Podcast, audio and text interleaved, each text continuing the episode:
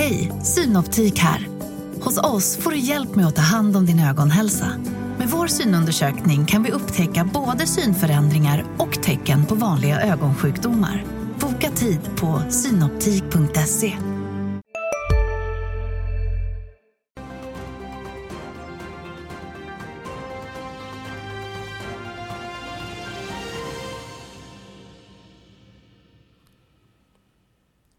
månad och nytt program för er som varit med oss hela morgonen. God morgon och välkomna till Börsmorgon för er som är nyvakna. Vi kan väl notera att USA stängde upp på bred front igår medan Asien också steg under morgonen och terminen för Stockholmsbörsen indikerar en öppning svagt upp vid 9. Och det finns mycket att prata om i dagens program. Nike, Ja, det är absolut. Så mycket att Nike är upptagen. Eh, nej men vi ska ju fortsätta prata rapporter i dagens program. Med oss fortsatt för att analysera marknad, rapporter, nyheter. Martin Nilsson från Redda och eh, Agneta Jönsson från Dagens Industri. Om vi ska eh, köra ett litet löp också så att ni vet vad som väntar. Det var ju sämre än väntat eh, från Axfood. Dystra utsikter från Getinge. Vi kommer att gästas av Humanas VD som svarar på Ivos återkallade tillstånd som fick aktien att rasa 50% igår. Och så ställer vi oss frågan om Fed överraskar marknaden med någonting annat än en 25 punkters höjning ikväll. Ska vi börja med en lite bred fråga. Vad tycker ni om morgonen så här långt? Ni har ju varit med oss sedan halv åtta. Det har ju varit en blandad kompott men jag tycker ändå att det är lite positiva överväger. Eller jag kanske väljer att ta fasta på det eftersom det är positivt till min natur. Men jag tycker det var bra kommentarer utav bolagen och bra förklaringar och ändå ser utsikterna framåt ut ganska hyggliga för de vi har hört. Mm. Är det någon rapport som sticker ut mest? Ja, alltså nu har inte vi haft tid att gå igenom detaljer och så här, men jag tycker att Lagerkrans eh, är en rapport som sticker ut eh, positivt med den avvikelsen. Eh, onekligen så är JM också en ganska stor avvikelse också när det gäller utdelning så det blir intressant att se hur den tas emot. Det är väl de två kanske som jag eh, mm. väljer att lyfta fram. Ja. Och vad det gäller utdelningar så har det ju varit generellt att alla som vi har tittat på har ju höjt utdelningarna. Ja, även om det har varit dåliga rapporter eller sämre rapporter. Vi eh, ska titta på en som var sådär stabil och snäll som vi också uppskattade för sig i sådana här tider. Fjärde kvartalet för Axfood visade på ett sämre justerat rörelseresultat än väntat på 734 miljoner. Omsättningen var i linje på 19,7 miljarder. Den justerade rörelsemarginalen blev 3,7 procent. Bolaget meddelade att man planerar att öppna 10 till 15 nya butiker under 2023 och att investeringarna kommer uppnå till högst 1,9 miljarder. VD Claes Balkov var med oss först ut i morse under Rapportmorgon. Men jag tycker att, jag får väl ändå säga att jag tycker att det är tre saker som jag skulle vilja lyfta fram. Dels så, som eh, vi alla vet så eh, upplever vi nu en hög inflation som ju påverkar väldigt många hushåll och skapar nya beteenden. Eh, men det har också påverkat vår bransch. Vi har haft stora störningar i leverantörskedjan, ökade kostnader med el och drivmedel och inte minst valutan. Men i den här miljön så har vi ju navigerat, tycker jag, hyggligt väl och stärkt vår position. Vi växte dubbelt så mycket som marknaden och Willys växte ju eh, till och med tre gånger så fort som marknaden. Så att jag tycker det är ett väldigt fint kvitto på att det vi gör och det vi utvecklar oss eh, uppskattas av våra kunder. Sen tredje delen då i det här eh, som jag ändå vill lyfta fram att samtidigt som vi navigerar i den här miljön så investerar vi och utvecklar oss väldigt mycket för framtiden. Vi har bytt ut vårt frukt och gröntlager, mycket större, mycket bättre. Vi har eh, börjat med inleveranserna i vår Bålsta-anläggning som är ett väldigt spännande, kommer bli ett spännande år. Och sen har vi gjort klart nu integrationen med Bergendahls och också eh, bytt ut systemen för Citygross, vilket är en viktig del för deras fortsatta utveckling. Så att, eh, det är ett intensivt och, tycker jag, hyggligt kvartal. Och hela intervjun finns på vår sajt. Ja, Martin, stabilt och tryggt men kanske lite ansträngd värdering. Ja, vi har ju pratat om det under morgonen att det här är ju onekligen en aktie där marknaden söker sig när det är tuffare tider. Så det är en aktie som har haft eh, en bra utveckling under föregående år. Eh, något sämre fjärde kvartal. Eh, men lite beroende på hur det här året blir börsmässigt så kommer det att avgöra hur Axfood kommer gå relativt marknaden. Det vill säga har vi den här starka inledningen vi haft på året, om den fortsätter så, så kommer den här aktien kanske ha, i relativa termer i alla fall, ganska tufft. Eh, men eh, om det blir ett tufft år eh, och den här osäkerheten kommer tillbaka så tror jag att marknaden kommer söka sig hit igen mm. för stabiliteten. Agneta, vad säger du om rapporten? Ja, det, man, man är ju nu klar med den här integreringen utav Bergendahls. Axfood har ju hela det här breda spannet från mer lågpris i Willys till mer eh, premiummärken i Hemköp och det här så att eh, mycket kommer att bero nu på hur, dels hur konsumenterna kommer att bete sig så att man kanske kommer att få se lägre volymer. Sen har du inflationsbiten i den här eh, som kanske man hoppas här nu pikar någon gång under våren. Men de kommer säkert att fortsätta prestera bra. Det är nog som Martin säger här en fråga om värderingen om, och att det kanske finns andra mer intressanta investeringsalternativ just nu. Och fråga om värdering gäller även i, i ett annat bolag som har rapporterat under morgonen. Absolut, vi ska vidare till medicinteknikbolaget Getinge. Bolaget redovisade ett lägre resultat än väntat under fjärde kvartalet men höjer utdelningen. Eh, som Agneta var inne på, bolaget spår också att den första halvan av 2023 kommer att bli svagare men att den organiska tillväxten kommer vara positiv för helåret. VD Mattias Perjos var med oss eh, tidigare här i morse och utvecklade då hur han och bolaget resonerar ser att eh, de utmaningar som präglade fjärde kvartalet och större delen av 2022, eh, de eh, kvarstår men kommer att avta gradvis under 2023. Så det är anledningen till eh, man säger, riktningen eh, för det kommande året. Här. Och vad är det då som, som gör att de här utmaningarna kvarstår? Ja, sjukvården är i ett, ett, eh, ganska svårt läge just nu. Det är fortfarande, även om det är fler som jobbar i vården och det faktiskt finns eh, pengar också, så eh, är det inte alltid rätt kompetens på alla ställen. Det är operationellt väldigt svårt att få igång den vård som behövs. Att vi, vi såg att man börjar närma sig förpandemiska nivåer vad gäller elektiv kirurgi. Men vi är inte riktigt eh, där ännu. Så att det är en eh, operationellt eh, svår situation för våra kunder. Jag är djupt imponerad av sjuksköterskor och läkare som har jobbat hand i hand med våra medarbetare för att ändå få så pass mycket levererat under 2022. Men den här utmaningen den, den förbättras gradvis men den kommer att vara med oss under stora delar av 2023 så att, det är anledningen. Ja, vi har ju Mattias Perjos här. Han låter ju betydligt positivare i intervjun än om man läser rapporten. Eh, är det att man vill vara försiktig i skrift?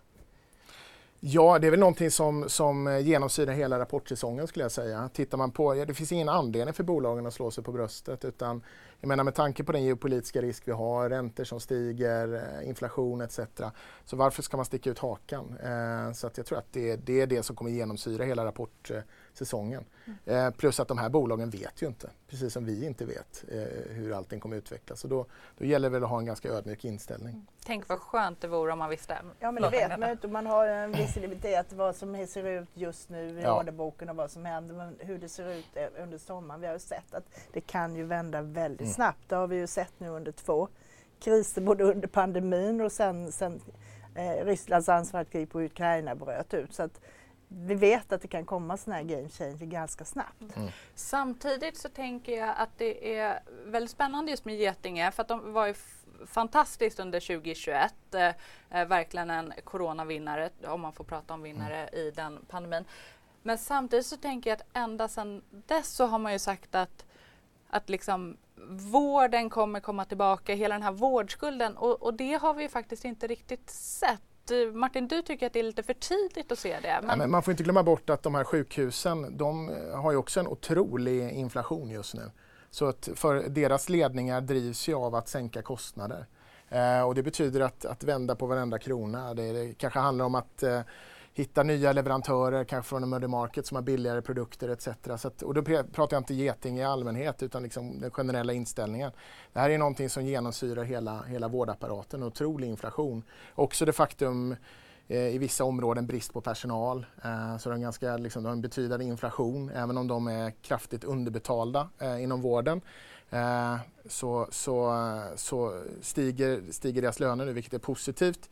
Eh, men det här är också någonting som, bol- eller som, som de här sjukhusen måste ta i beaktning. Så att, eh, det kan ju vara det som gör att det försenar hela den här processen för ett bolag som Getinge. Mm. Och ta saker i beaktning behöver många bolag, inte minst också trädgårdsutrustningsbolaget eh, Husqvarna vars eh, rapport visade på en ökad nettomsättning med 26 procent, bättre än snittet estimat men förlusten blev större än väntat.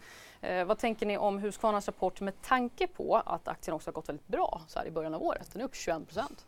Den gick ju väldigt dåligt under förra året. Då tappade de nästan en tredjedel av börsvärdet efter att ha gått bra under pandemin. Men det som, dels är ju fjärde kvartalet inget stort kvartal för dem. Det är ju det som kommer nu liksom när mm. alla köper in trädgårdsutrustning och sånt där för att kunna leverera senare.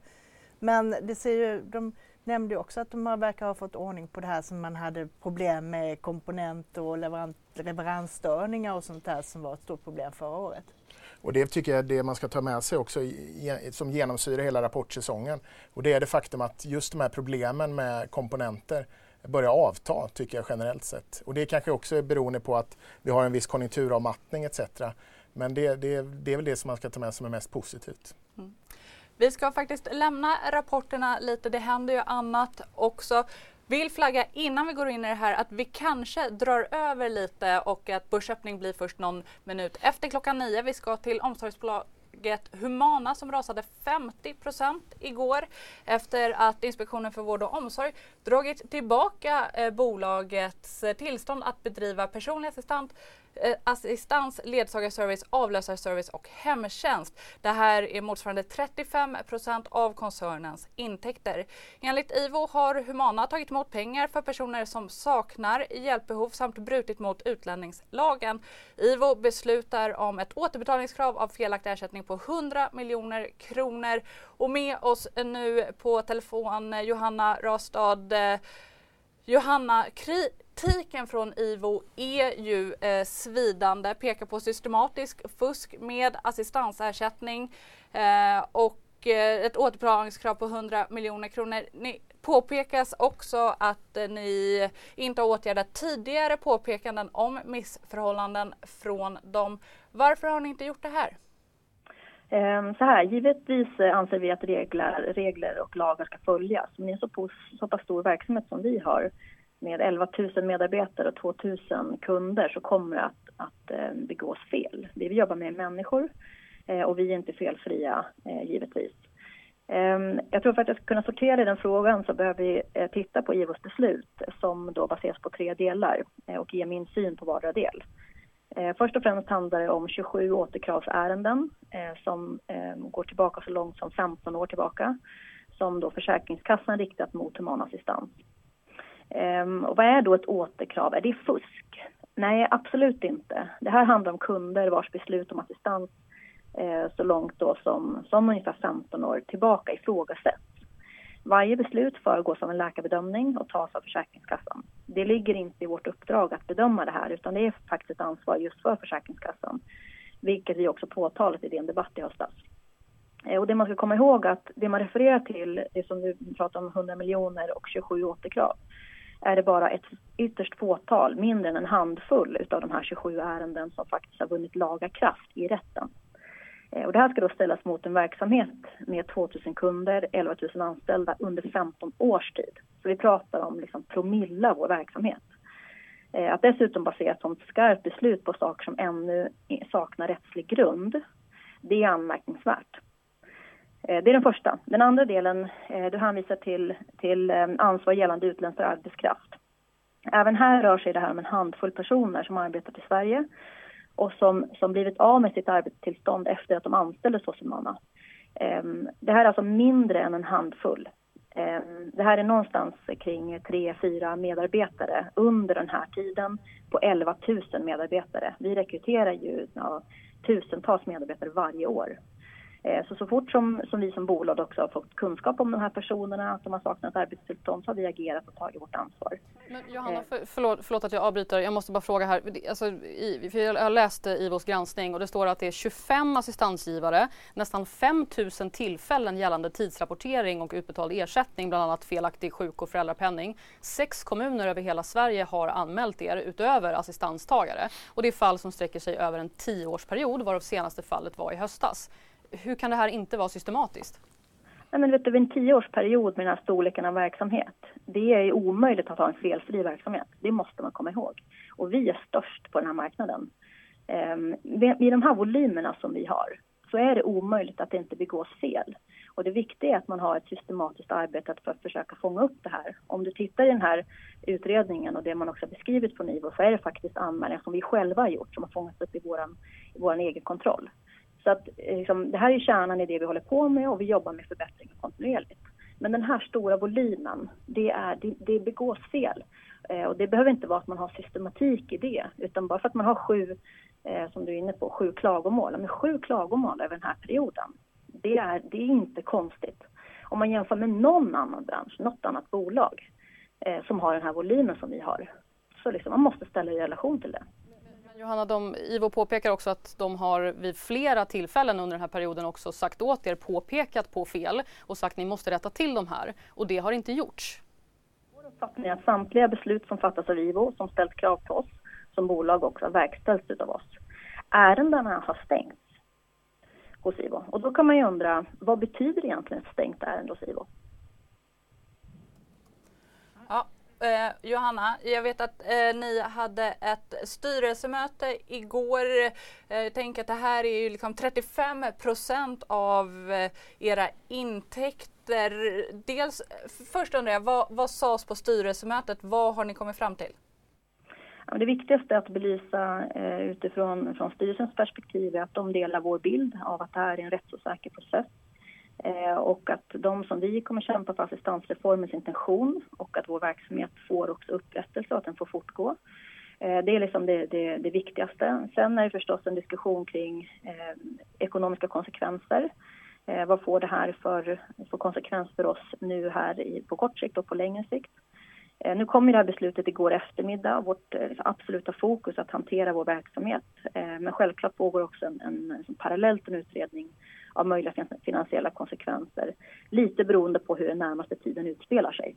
Vi har ju, en, en eh, vi har ju fått ehm, eh, beslut från IVO att vi ska avveckla vår verksamhet innan den 10 februari. Eh, vilket man kan, liksom, eh, ehm, man kan undra hur, hur man ska kunna avveckla en verksamhet med 2 000 personer och 11 000 medarbetare på 10 dagar. Dessutom en, en högt liksom, utsatt eh, kundgrupp. Ehm, vi kommer förstås fokusera på att, att ehm, göra det här rättsligt rätt, att, att ansöka om, om inhibition och eh, överklaga det här för att också verksamheten ska kunna fortgå på ett, på ett säkert sätt för våra kunder och, och medarbetare. Absolut. Så det är liksom först och främst. Men, men absolut så tittar vi på, på möjliga konsekvenser för, för bolaget finansiellt också. Ja, men för, jag var ju inne på det, eh, affärsområdet assistans står ju för 35 procent av intäkterna. Går det att bedriva övrig verksamhet utan nytt kapital? Vi kan ju inte vara säkra på att eh, IVOs beslut upphävs. Nej, vi kan inte vara säkra på någonting eh, i dagsläget. Alltså, vi, det här är ytterst förvånande för oss. Eh, samtidigt så, alltså, jag har fortfarande inte trappat tron på att, att våra myndigheter och att vårt rättssamhälle fungerar som det ska. Eh, gör det det så, så tycker jag att man, man borde kunna få inhibition inom den här tidsfristen. Men eh, det vet vi inte ännu. Ni har ju en nettoskuld på över fem gånger rörelseresultatet. Kan bolaget fortsätta verka utan assistansbenet? Ja, vi får eh, liksom utreda det. Det är alla de här sakerna som vi håller på att titta på. Vi får ta liksom en, en sak i taget. Beslutet kom igår eftermiddag och eh, vi måste lägga fokus på rätt saker och prioritera här. Jag tänker för, för alla aktieägare så kanske det är viktigt att få eh, en förståelse för hur bolaget ska kunna fortsätta verka då utan assistansbenet. Eh, eh ser du det som aktuellt att ta in mer kapital i, i väntan på de här besluten? Ja, men det är en bra fråga. Alltså vi, vi kommer ju titta på alla, alla scenarios här. Eh, givet att det är en, blir en, en stor konsekvens om vi inte får inhibition eh, så, så behöver vi ha en beredskap för, för alla olika alternativ. Eh, så självklart, men vi är inte där ännu. Johanna, du påpekar att eh, så stora som ni är så innebär det självklart att man inte är felfria. Det fråntar ju inte ansvaret för er att se till att verksamheterna faktiskt bedrivs som de ska också. Och finns det inte då kanske till och med en, en vits i att inte sådär tokväxa utan just se till att man har säkerställt sina olika verksamheter innan man kanske köper fler anläggningar eller växer? Ja, absolut. Nej, men, eh, så är det. Sen ska jag säga att det här är ju Ehm, en, en, ehm, verksamhet som inte eh, kräver ehm, större investeringar för att växa eh, om det inte gäller förvärv. Så att, men, men visst har du, visst har du en, en poäng i det. Vi har ju vuxit snabbt och eh, det finns ju också en anledning till varför vi har vuxit. Alltså man tycker ändå att vi är en bra arbetsgivare i en marknad där det är kort om personal. Eh, det är brukare och, och kunder eh, som väljer att, att eh, komma till oss och det finns ju liksom en anledning för det. Jag tycker det är synd när vi har gigantiska utmaningar på den sociala sidan i samhället och vi väljer att gå på en sån här sak. Det är inte rätt prioriterat. Det är tyvärr allting vi hinner med, men tack så mycket Johanna Råstad, alltså VD för Humana, för att du var med oss. Och vi har dragit över en del, börsen har redan öppnat så vi går direkt ut i Marknadsstudion där Alexander står redo vid börsskärmen.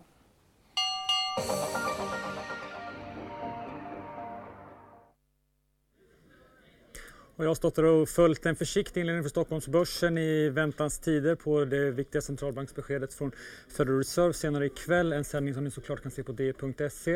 Eh, som ni ser, båda eh, OMXS30 och bredare index exakt kring eh, nollan. Större rörelser för de rapporterande bolagen. Jag kan först bara kommentera eh, Humana som fortsätter eh, ner ytterligare knappt 4 eh, procent här i inledningen. Eh, också fått sänkta eh, riktkurser och eh, rekommendationer, kanske inte så förvånande efter de här eh, hastiga beskeden igår. Rapporterna då, Axfood som ni har pratat om i eh, studion som var något svagare än väntat, lägre marginal. Eh, handlas ner nästan 5% och även Getinge backar en sådär 3% som var betydligt svagare än väntat. Justerat inte lika eh, svagt. Man tyngdes av engångsposter bland annat som man tog upp som var betydligt högre än väntat. Eh, och så kom det ju en spådom framåt på en tillväxt på 2-5 procent. Huskvarna, Husqvarna väntad stor förlust, det är en klassisk Q4 från eh, Husqvarna ändå. Man sa ju att robotgräsklipparna där märker man en stark eh, tillväxt och sen så kommer man kanske oväntat hög eh, utdelning på 3 kronor. Upp ett par procent. Den stora rapportvinnaren som ni ser, eh, bostadsutvecklaren JM, bättre över hela linjen, bättre resultat, starkare marginal, eh, fler sålda objekt, fler startade i eh, produktion och sen en betydligt högre utdelning än väntat.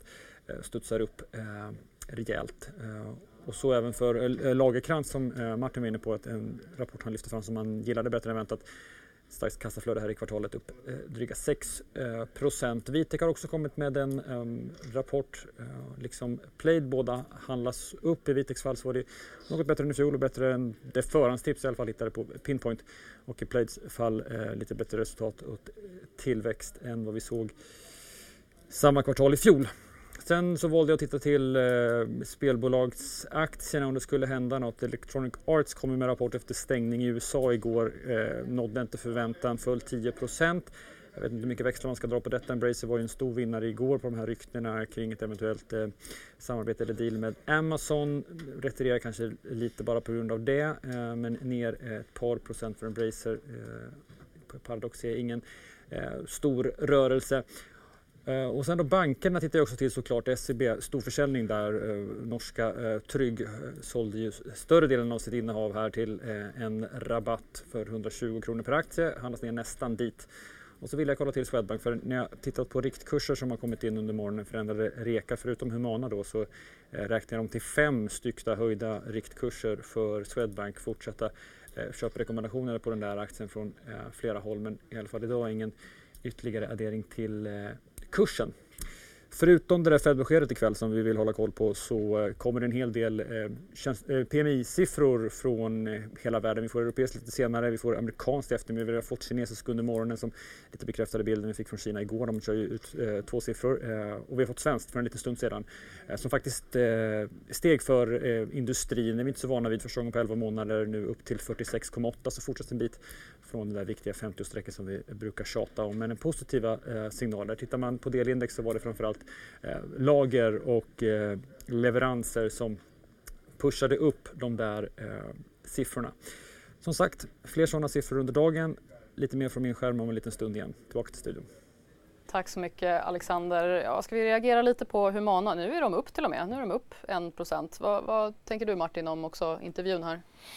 Nej, men det blir, nu går vi in i en juridisk eh, holmgång. Det är det bolaget måste göra. Liksom. Eh, tyckte vdn var inne på det. Liksom. Hon inser ju otroliga eh, problematiken med att inte ha den här verksamheten. Men eh, den var ner 50 procent igår och nu ska de över, över, vad heter det, överklaga det här så att eh, vi kommer få följa det via, via er, via DI.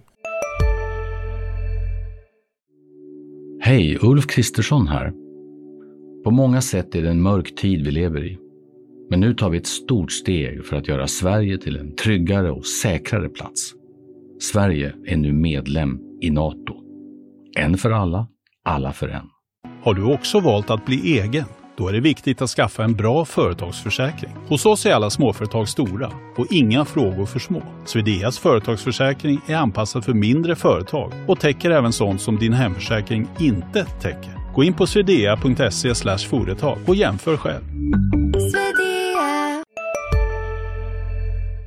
Eh, vad som händer. Men känner du dig trygg med det som hon pratade om eller de svaren hon gav om att hon, alltså hon, om jag ska sammanfatta det så är det ju snarare liksom lite isolerade händelser och det är svårt när man är så stora, liksom, inte den här systematiken som IVO pratar på. Nej men det är två ytterligheter. Jag menar IVO är ju eh, liksom tycker det här är allvarligt och har hållit på under en längre period och liksom man har inte åtgärdat det man har sagt och sådär. Så att eh, de, de har ju den inställningen, eh, vilket man förstår. Men jag menar hennes inställning är något annat. Hon försöker skydda sitt företag. Så att, eh, det, hennes kommentarer är ganska förväntade. Mm. Agneta, vad säger du? Det är nu det viktiga om man tittar på aktierna är ju just det här. Får man driva det här vidare, mm. eh, vänta på dom till förvaltningsdomstolen. Får man inte det, eh, då är det ju som sagt var väldigt betydande Eh, problem. Sen kan man väl säga också det du nämnde med den stora skulden. Mm. Det är ju också det som största delen är det som man säger leasingskulden men det är de facto hyresavtal och det ligger ju på mycket av den andra mm. delen av verksamheten. Eh, så att givetvis är det viktigt men det är den typen utav skulder som man måste bokföra på det sättet. Sen är det ju så att det var ju just assistansen och det här som man så, jag tittade på det för ett par år sedan, som det, man såg också att det skulle finnas möjlighet att både växa men också öka lönsamheten eftersom assistansersättningarna höjdes och det fanns också politiska institutioner att kanske göra så att fler människor i behov av assistans skulle få det. Och det gör ju också att man tar bort det här benet som man, kanske flera av oss tyckte var det som var intressant i Humana. Mm.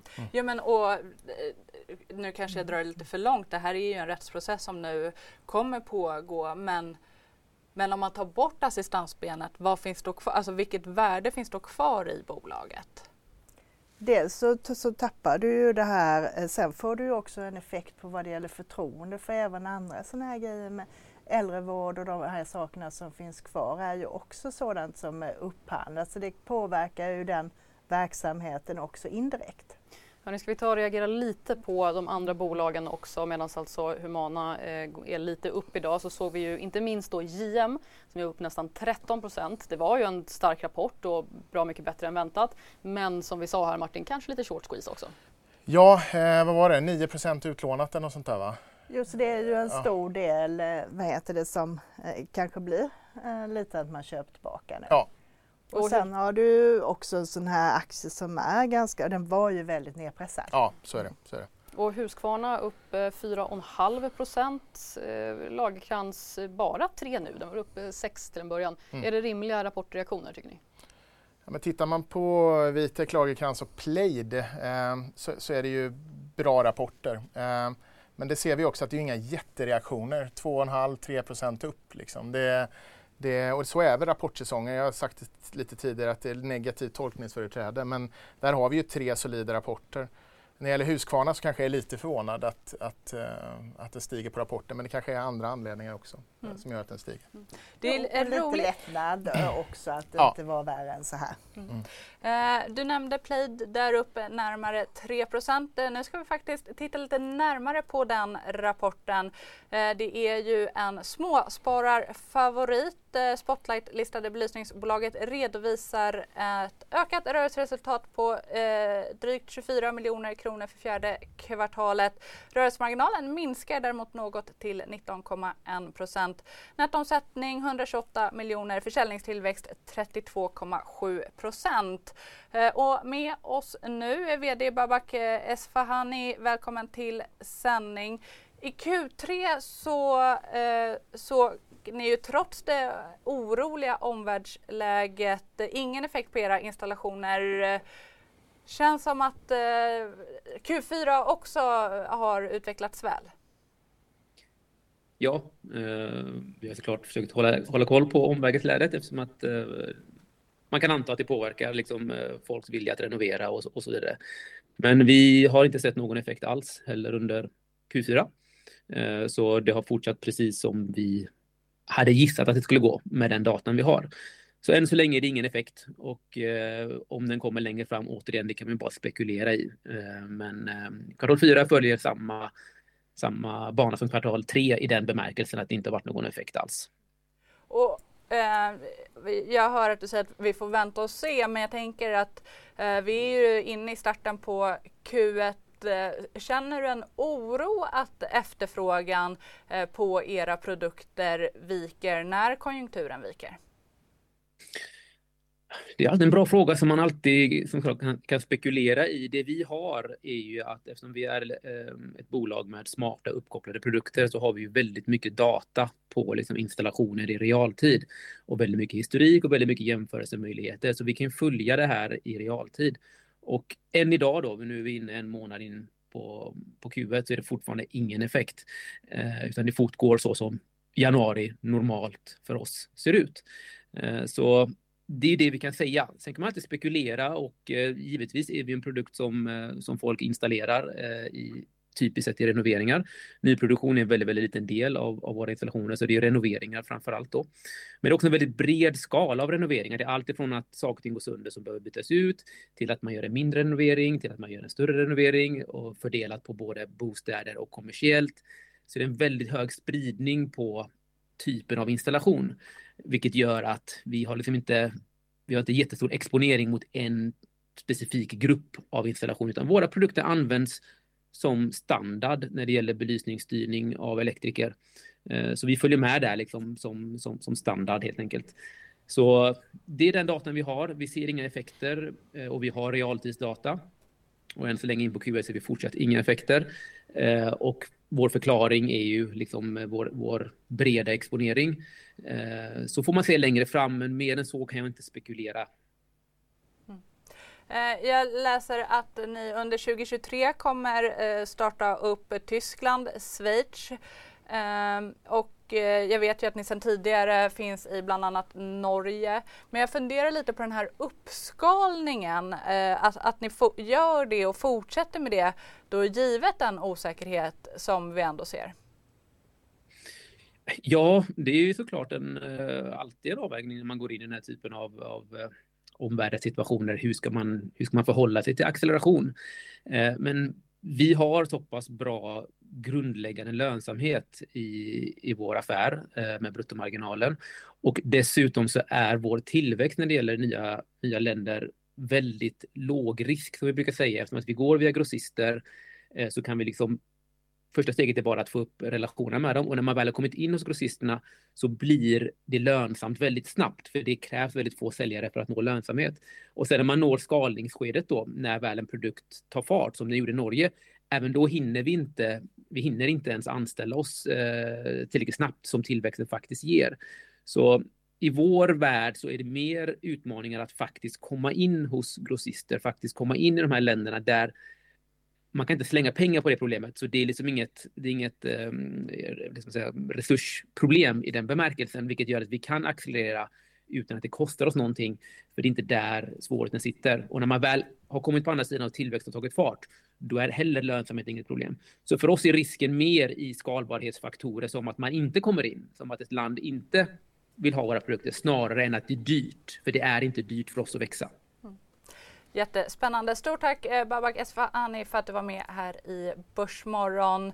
Eh, Martin, du kallade det här en solid rapport, eh, belönas med en uppgång på 4% Det är ju verkligen en småspararfavorit. Ja, men det är ganska fascinerande med, med ett eh, belysningsbolag som faktiskt eh, medför en viss skrytfaktor bland deras konsumenter. Jag har ju kompisar som har det där installerat och de är väldigt noga med att påpeka det. Eh, jag har inte det vill jag tillägga, så jag kan inte skryta om det. Men, eh, och det är ganska fascinerande tycker jag eh, och ganska unikt tror jag också. Men mm. det är någonting som man faktiskt framhäver att man, man har. Mm. Men kommer efterfrågan verkligen finnas där när vi går in i en lågkonjunktur? Vi hör ju att eh, VD här säger att, vi finns, att de finns liksom på många olika typer av marknader men jag tänker ändå att det är många olika typer av marknader som kommer vika när allt ifrån bostadsbyggare till eh, liksom, privatpersoner håller hårdare i plånboken. Nu var nyproduktionen en ganska liten del men jag kan tänka dig att det kan finnas också en viss mått utav energieffektivisering i det här också. Att eh, det är ju viktigt, särskilt i större fastigheter, att styra, lokal, äh, styra belysningen och sånt ordentligt. Mm. Eh, och sen har, var det ju en riktig eh, Eh, pandemivinnare. Det var en av få aktier som har haft en egen sång som cirkulerade på Twitter då. Ingen hejd på play, det sjöng man ju då. Än så länge så verkar ju det här faktiskt hålla i sig lite. Som faktiskt var med i vårt julkryss 2021 för de trogna eh, DTV-tittare som minns det. Eh, det har ju varit ganska positiva rapportreaktioner idag där JM sticker ut som den eh, största rapportvinnaren idag. Och Agneta, om man tolkar de här rapportreaktionerna rätt så kan man tjäna sig en extra hacka. Jo men det är ju så, jag skrev lite om det i tidningen, det finns något som heter PEAD som står för Post Earnings Announcement Drift. Det vill säga att eh, aktien fortsätter utvecklas i den riktning som eh, rapporten överraskat sig och hur rapporten blir på hur den aktien handlas på rapportdagen. Och det har ju att göra med det här att när det är en positiv överraskning och resultaten är högre så kommer analytikerna att justera sina estimat och så säljer de in det till sina kunder som går in och handlar och mer långsiktiga förvaltare kommer in lite senare kanske på bollen och då håller det här i sig ett bra tag. Så att istället för att kanske chansa och köpa innan rapport kan man titta på det här. Men man ska ju också se liksom lite hur det har gått innan. Har den handlats upp väldigt kraftigt innan eller är väldigt överköpt eller så, så blir det inte riktigt samma effekt. Tänkte den, säga, det, det, man måste lite rensa för också vad ja, som händer precis. just där. Så att du tittar, så de stora effekterna är ju just en sån här som vi sa nu, JM som är nedtryckt, den är blankad, det kommer någonting som är bättre. Då får du den här riktiga skjutsen i det hela. Eller som vi såg Ericsson Nokia. Ericsson gick ner kraftigt på en dålig rapport och då hängde Nokia med och så kom Nokia lite bättre och då fortsatte de upp istället. Så att det är sånt som kan vara intressant om man vill addera lite extra och handla lite kortsiktigt. Och en till sån här förkortning som vi behöver lära oss. Det är gott om dem på börsen. Martin, har du också, tar du också hjälp av PED? Eh, nej men jag, jag, håller med helt och hållet. Men det är så att jag, jag försöker identifiera långsiktiga vinnare. Och eh, jag försöker lite avdramatisera de här kvartalsrapporterna. Det vill säga att kvartalsrapporterna fungerar för mig som en avstämningspunkt, det vill säga om bolaget är på rätt väg. Men kom, det, jag håller med dig helt och hållet. Kommer man med, med en en eh, positiv avvikelse så kommer liksom earnings revision vara positivt och det finns jättemånga som bara följer det. Eh, så att, eh, li likadant omvända, kommer du med en besvikelse så kommer nog utvecklingen de närmsta månaderna vara ganska tuff. Och är det någonting Agneta med tanke på att det har ju varit så otroligt nedtryckt liksom under hela förra året. Kan man också läsa in det kanske i den här rapportsäsongen, vissa reaktioner att fast det har varit ganska negativt också? Mm. Det har varit ganska negativt också. Det är ju mycket på också vad som sägs på de här genomgångarna med analytiker som hålls efter rapporterna lite. Vi, ni konstaterade också att flera VD kanske uttrycker sig lite mer positivt muntligen än vad de gör i det som skrivs. Så det finns många pusselbitar i det här naturligtvis. Men eh, det är ändå en sån här liten grej man kan ha när man navigerar på börsen. När det kommer till rapportsäsonger så tycker jag alltid man säger att ah, det viktigaste är hur framtidsutsikterna, liksom vad de säger om framtidsutsikterna. Kan vi inte bara etablera det, att det är det alla vill veta, vad man säger framåt? Och det är två steg. Du har ju liksom check i boxen, leverera dem som de väntar sig att de ska. Ja, då är steg ett, liksom, mm. då får du en reaktion på det. Och sen är det, hur ser det ut framöver? Och det är ju det vi handlar på, det är framtida vinster vi är intresserade av. Ja men exakt, börsen är väl alltid framåtblickande. Det är väl också därför eh, vi har sprungit om Fed och alla räntehöjningar. Eh, vi har ju mer att prata om, bland annat Fed, eh, men vi ska också se hur det utvecklar sig på Stockholmsbörsen. Som vi har noterat så har ju eh, Humana vänt upp. Eh, Alexander, kan du ta oss igenom hur det går för de rapporterande bolagen? Det kan jag absolut göra Nike. Hela Stockholmsbörsen har eh, dessutom eh, vänt upp, taktar på upp kring en halv procent. OMXS30 går inte lika starkt. Då ska man ha med sig att SEB eh, utgör en stor del av den där eh, viktningen av de 30 största bolagen och aktien eh, tyngs idag efter den där storförsäljningen utanför eh, handeln i går då det såldes 75 miljoner aktier för 120 eh, kronor. Eh, handlas någon krona ovanför det men det kanske är förklaringen till att vi inte riktigt hänger med där upp dryga halvprocenten för eh, breda Stockholmsbörsen. Bland de rapporterande bolagen då, Axfood får inte ett så bra mottagande på sin rapport som var lite svagare. Men annars är det överlag positiva rapporter. Husqvarna pinnar på, eh, nu 6% upp och sen då eh, JM som ni vinner på eventuellt en short squeeze i den här aktien. Den är ju eh, en som blankar har gett sig på eh, över tid upp 30 13 procent positivt även för Lagercrantz, Vitec eh, och Plaid som ni pratade med eh, adderar ytterligare ett par procent. Eh, och så eh, Swedbank då, rapportvinnare, eh, stark rapport igår. Eh, får ytterligare eh, uppskruvade riktkurser. Även Danske Bank hänger med de andra så nu är de uppe i sex stycken justeringar under morgonen. Det är säkert fler som jag inte har sett. Eh, och blickar jag bortom eh, svenska marknaden och tittar ner till den danska i Köpenhamn så Novo Nordisk och Ørsted har också kommit med rapport och båda Eh, stiger något eh, på de där eh, siffrorna. Och på tal om siffror, det är en siffertung dag idag. Jag pratade förut om det svenska PMI-utfallet som var positivt i bemärkelsen att det faktiskt steg för den svenska industrin även om vi fortsatt befinner oss under 50 men uppgången var högre än väntat, landade på 46,8. Såg för en liten stund sedan spansk industri-PMI som kom in på 48,1 Eh, 9 tror jag det var, något bättre än prognosen. Vi kommer ju få sådana här siffror eh, under hela dagen, eh, kulminerar kanske klockan fyra i eftermiddag, amerikansk ISM-siffra för amerikansk industri. Och det är en bra uppbyggelse inför det stora beskedet, 25 punkter tror marknaden garanterat att det blir när Fed lämnar räntebesked klockan åtta ikväll. Halv nio så kommer Jerome Powell kliva ut och hålla en pressträff och då är frågan om man kommer bibehålla de där högaktiga tonerna som jag tycker han haft de senaste presskonferenserna eller om han kommer signalera till marknaden att eh, nu befinner vi oss på en eh, nivå, nu ska vi ta det lite lugnare. Sådana signaler gav ju bland annat grannlandet Kanada när de kom med sitt Eh, Eh, räntebesked här om eh, veckan. Tittar vi mot USA, det är lite tidigt kanske att kolla på hur terminerna handlas. Det var en stark dag igår för både S&P 500 och eh, Nasdaq men terminerna marginellt pekar just nu nedåt mot öppningen. Men eh, värt att följa upp det där när vi kommer närmare och det kanske vi kan göra i Börskoll här i DTV som börjar klockan eh, två. Men härifrån tar ni med er att Stockholmsbörsen har fått lite fart. Stort tack eh, för det Alexander. Prata vi lite om Humana här i eh, studion och att det är en ganska illikvid aktie så att det kan röra sig ganska fort. Men jag tänker att vi ska lyfta blicken lite. Det är ju en väldigt utspridd rapportsäsong den här gången. Men om vi ändå ska försöka oss på någon typ av summering Martin, kan du säga någonting liksom om olika sektorer, vart det börjar ske ljusningar och vart det kanske fortfarande är nattsvart? Nej men tittar vi på fram till idag får jag nästan säga så har det varit negativ tolkningsföreträde på, på många rapporterna.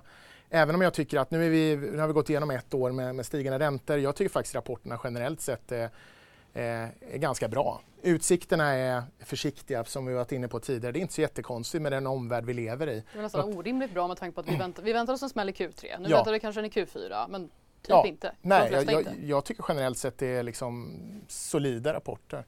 Eh, Okej, okay, vissa sticker ut, men tittar man på dem, liksom, kommer tillbaka till det som vi pratade om tidigare. Det faktum att just den här problemen på till exempel halvledare inom vissa områden eller komponentbrister och så här, den börjar lätta. Eh, och en sektor som jag tycker generellt sett sticker ut positivt, det är ju bilar. Ehm, konsumentbolag har fortfarande tufft för vi håller i plånboken och sånt där. Men bilsektorn börjar och det är just för att den här liksom problemen de har haft i leveranskedjan börjar förbättras från en låg punkt. Så det tycker jag är positivt. Ehm, nu har vi ju JM idag så då kanske man inte ska prata om det men europeisk byggkonjunktur verkar ha gått in rakt i väggen. Och det är inte så jättekonstigt med stigande räntor, inflation men också det faktum att, eh, att vi faktiskt har ett eh, krig i Europa. Ehm, så det är också en sektor som, som, eh, som, som fortsatt har det tufft och kommer nog fortsatt att ha det också. Det syns på, på många av de aktierna som är exponering dit för att de har gått väldigt svagt. Tittar vi på USA så är det ju eh, de bolag som rapporterat hittills så är vinsten ner 5% om man tar genomsnitt. Och skulle det hålla i sig då så är det första gången sedan Q3 2020 som vi har negativ vinsttillväxt. Ehm, de sektorerna som har överraskat positivt är framförallt inom läkemedel och materials medan egentligen bara en sektor som sticker ut väldigt negativt och det är industri. Och det man får inte glömma bort Industrin att de har, i USA? Industri i USA. Eh, annars så är det de bolagen, det, det är väl en intressant eh, observation, de bolagen i USA som har en eh, internationell exponering klarar sig bättre. Och det beror väl egentligen på två faktorer, framförallt att Kina börjar öppna upp men också att dollarn faktiskt har lugnat ner sig under, under den senaste eh, perioden. Eh, men annars så är det, ja, jag tycker generellt sett att det är ganska solitt. Det har ju varit en, ganska, eller det har varit en stor spread till och med mellan hur Stockholmsbörsen har gått och hur USA-börsen har gått. Givet att vi nu har lite mer svar i de här rapporterna tror att det där gapet kommer minska eller öka? Vi frågar väl oss i princip hur kommer det gå för USA närmaste tiden? Ja, nej men det, det, jag tycker det är för tidigt att, att, utvärdera det. Men vi var inne på det tidigare i diskussionen. Om man tittar på den svaga kronan, det är ju ingen kvalitetsstämpel för oss som eh, som, som land, det faktum att vi har det. Och sen tror jag också att många internationella investerare, tittar man på Stockholmsbörsen generellt sett så har de alltid haft ganska stort intresse från amerikanska investerare. Och med tanke på att, att vi är nära en, en uh, otrolig konflikt i, i Ukraina, i krig, uh, så tror jag internationella investerare generellt sett är ganska försiktiga fortsatt att investera i Europa. Mm. Och du har ju också det här debaclet med vår NATO-ansökan som också gör, bidrar till den här osäkerheten Absolut. om Sverige. Absolut. Jag vill fråga, eh, du tror ju också eh, mycket på ma marknaden mm. nu i år. Har det att göra med att liksom, värderingarna har kommit ner men att det samtidigt är ganska stabilt, taktar på ganska bra i bolagen? Eller kan du utveckla? Ja, nej, men jag tror att bolagen generellt sett, jag har varit inne på det tidigare, de har ju starka balansräkningar och jag tror inte vi kan förvänta oss något jättekanonår när det gäller organisk tillväxt. Och de företagen som har möjlighet att göra M&A eh, som då kan skapa synergier så tror jag att de kommer, ja, de kommer nog se de möjligheterna tror jag, i en större utsträckning. Ja, det sa väl, eh, var det Vitek eller någon annan, Lagercrantz som sa att det var mm. mycket mm. värderingar som var eh, intressanta sådär under eh, Rapportmorgon pratade om det. Men vi, klockan springer iväg så vi måste också bara beröra det stora beskedet som kommer ikväll, alltså räntebesked från Fed. Marknaden tror på en 25 punkters höjning till 4,75 procent. Eh, Agneta, vad blir det viktigaste som Jerome Powell kan meddela ikväll? Det är väl lite det där att tolka på vad det blir framöver. Nu, giss, nu håller man ju på att gissa liksom, när kommer toppen bli? Kommer det bli 5% eller 5 och 25 och de flesta tror väl att det kanske blir 5 och 25 att det toppar någon gång i maj. Så att eh, signaler om, om det ruckas där är ju intressant. Eh, Martin, det de säger, eller Fed har ju sagt att de vill ha mer substantiell bevis på att inflationen har gått ner. De har varit centralbanker överlag har varit ganska motståndskraftiga även när marknaden har sagt att men nu, nu har ju inflationen vänt ner, nu är det färdigt i princip. Så centralbankerna har sagt nej, nej, nej, vi har jättemycket kvar att göra. Jo, men centralbankerna har ju gjort tvärtom tidigare. Jag menar, de har ju bara överöst den här marknaden. En av anledningarna till att vi har hyperinflation är ju sättet de har agerat under en väldigt lång period. Så att, eh, eh jag, jag, tror, liksom, tittar man på, på börsutvecklingen i, eh, igår i USA som var extremt stark så tror jag är ett tecken på också det faktum att, att man tror att det kommer vara en mer försiktig hållning. Men jag tror inte man ska, jag tror inte man ska liksom ta det för, eh, för, för säkert liksom, utan jag tror att det kan vara 25 punkter men sen en ganska liksom, hökig fortsättning. Mm. Ja, men kan det bli lite hökaktig sting på det här beskedet? För samtidigt så är ju amerikansk eh, arbetsmarknad fortfarande väldigt stark även om det har börjat kylas ner aningen. Ja, och det, som sagt jag tror inte att det blir någon större dramatik idag men det är min gissning. Jag tror det blir de här 25 punkterna och att man säger ungefär samma sak. Vad man har sagt tidigare, att det är för, för tidigt att eh, bedöma så att säga. Och klockan åtta kommer ju beskedet med efterföljande presskonferens. Den kan ni se precis som vanligt här i DITV halv nio ikväll. Det börjar ju bli dags för oss att runda av. Martin Agneta, stort tack för att ni har varit med oss eh, under eh, hela morgonen och under hela det här programmet. Mm. Tack så jättemycket. Och Rapportmorgon fortsätter ju även i morgon. Torsdag har vi bland annat Nordea, Evolution, ABB, SKF och Alfa Laval. Det är fullmatat och det är tungt med andra ord. Där ser ni kavalkaden av rapportintervjuer i en något stökig grafik som vi kan lägga ut sen också på vårt Twitterkonto. Vi drar igång redan eh, klockan 10 i sju med Nordea. Sen så fortsätter vi i studion från ungefär 20 över sju där Atrium är först ut. Börsen går fortfarande eh, ganska muntert så här efter en halvtimme av handel. Storbolagsindex är upp ungefär en halv procent. Humana som sagt upp nästan 5 procent. Men som vi sa, det är också en ganska likvid aktie så det kan svänga ganska fort. Och de amerikanska terminerna pekar på att det blir lite lugnare där i eftermiddag. Så brukar det se ut när vi väntar oss ett Fed-besked för den delen. Börskoll har ni senare i eftermiddag klockan två och Börsmorgon tillbaka imorgon kvart i nio som vanligt. Ha nu en lyckosam handelsdag.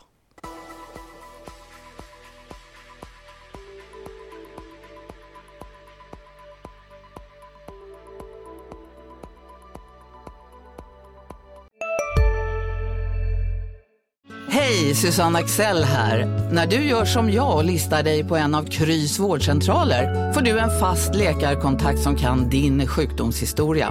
Du får träffa erfarna specialister, tillgång till lättakuten och så kan du chatta med vårdpersonalen. Så gör ditt viktigaste val idag, lista dig hos Kry. Välkommen till Maccafé på utvalda McDonalds restauranger med Baristakaffe till rimligt pris. Vad sägs om en latte eller cappuccino för bara 35 kronor? Alltid gjorda av våra utbildade baristor.